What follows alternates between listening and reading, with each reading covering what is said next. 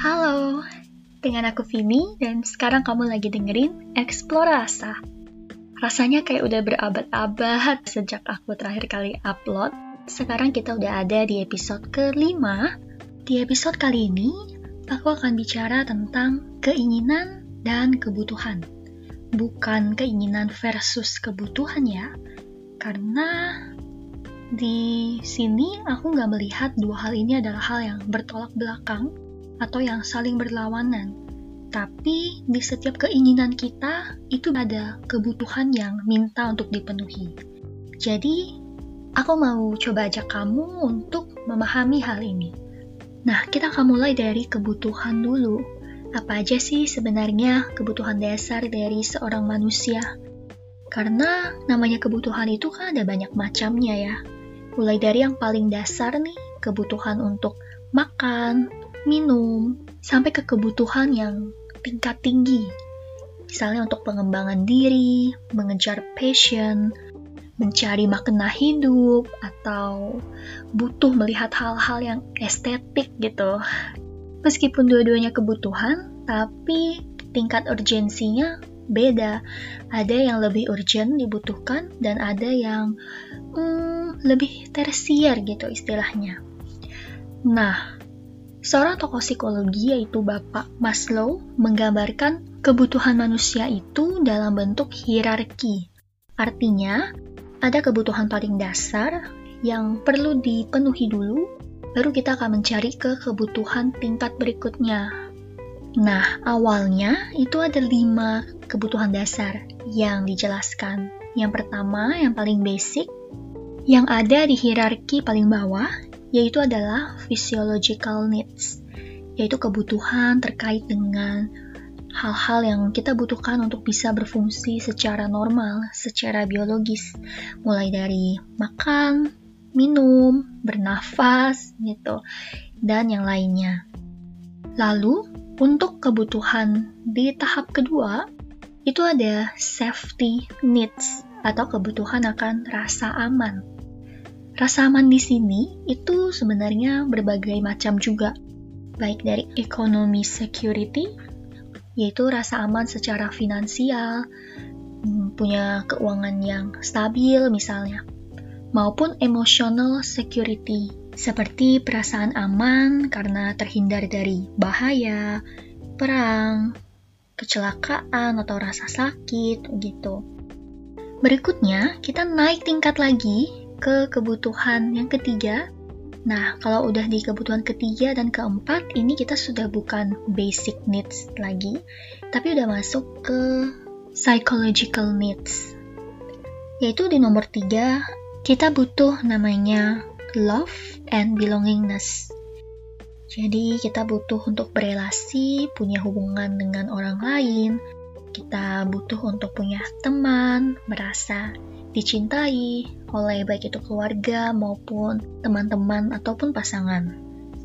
Makanya selalu dibilang ya bahwa manusia itu adalah makhluk sosial.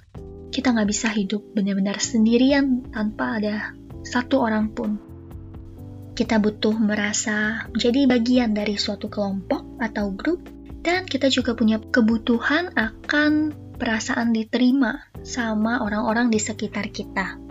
Next, berikutnya kita masuk ke kebutuhan tahap yang keempat. Nah, ini lebih tinggi lagi, yaitu adalah kebutuhan akan self-esteem atau kepercayaan diri. Jadi, baik itu rasa percaya diri akan pencapaian diri, merasa berhasil melakukan sesuatu, atau punya reputasi yang baik, dihargai sama orang-orang sekitar. Nah, sampai di sini mungkin kamu udah kebayang gitu. Kalau selama ini kamu memang punya kebutuhan-kebutuhan akan hal-hal ataupun perasaan yang tadi udah aku jelasin. Nah, empat kebutuhan pertama tadi itu adalah kebutuhan yang kita akan termotivasi untuk memenuhinya saat kita ngerasa kita kekurangan.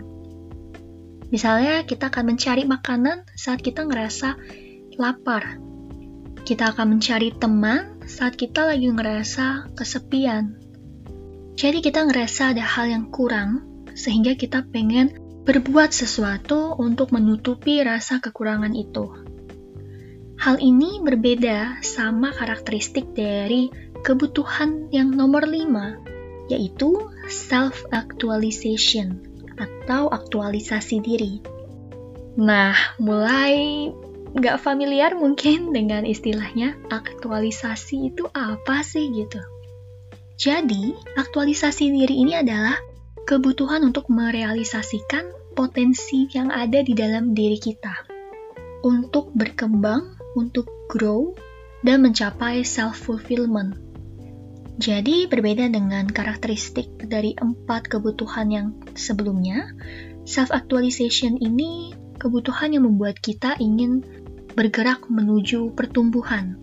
Jadi kita tergerak bukan karena kita ngerasa kekurangan sesuatu, tapi malah karena kita pengen bergerak mencapai suatu pemenuhan diri. Wah, agak abstrak mungkin ya kedengarannya.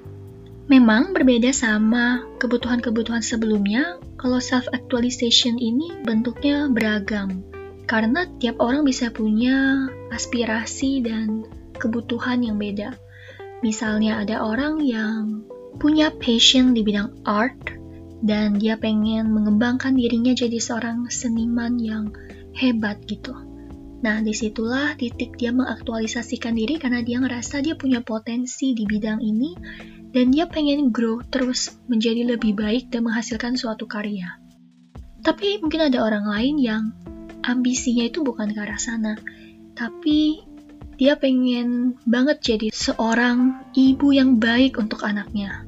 Nah, di situ dia berusaha banget untuk bagaimana bisa mengembangkan kemampuan yang dia punya untuk bisa menjadi lebih baik lagi di posisi atau hal yang dia pengenin.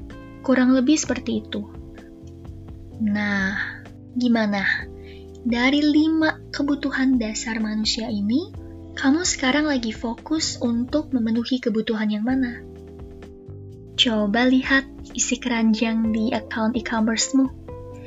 Isinya untuk memenuhi basic needs atau untuk memenuhi self-esteem. Beli iPhone untuk kebutuhan komunikasi atau Ya biar tambah keren aja. Pengen lanjut kuliah S2 misalnya?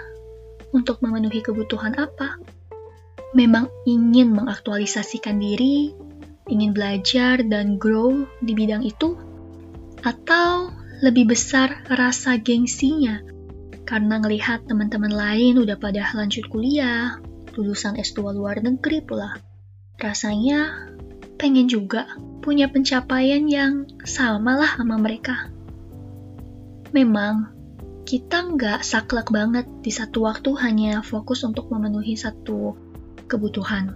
Bisa jadi pilihan kita itu kita ambil untuk memenuhi dua kebutuhan sekaligus.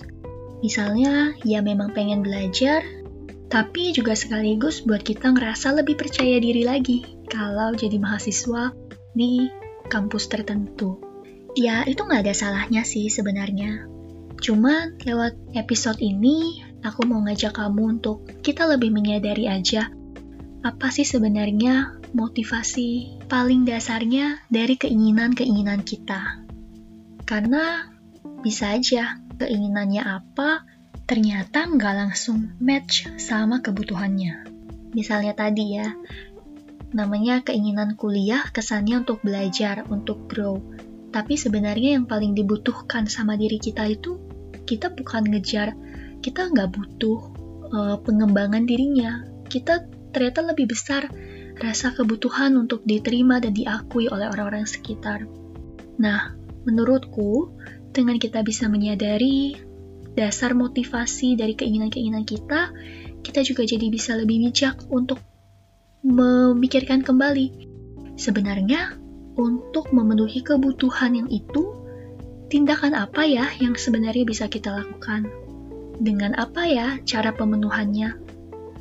Karena bisa jadi pilihan kita gak benar-benar menjawab kebutuhan kita. Bahkan aku sendiri pun kadang masih belum bisa untuk benar-benar mengambil keputusan yang sesuai untuk menjawab kebutuhanku.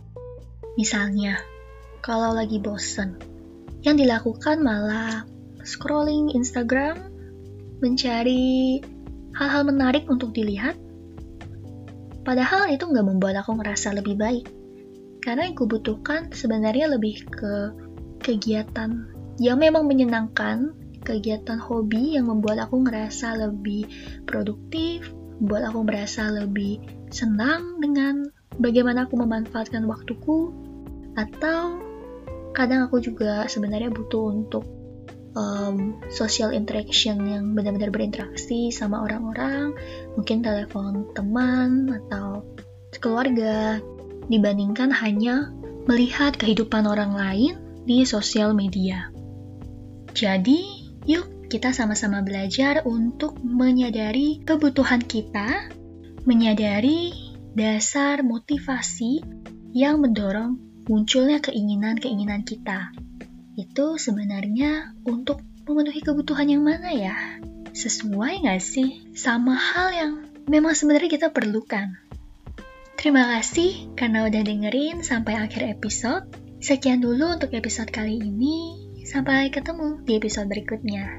See you!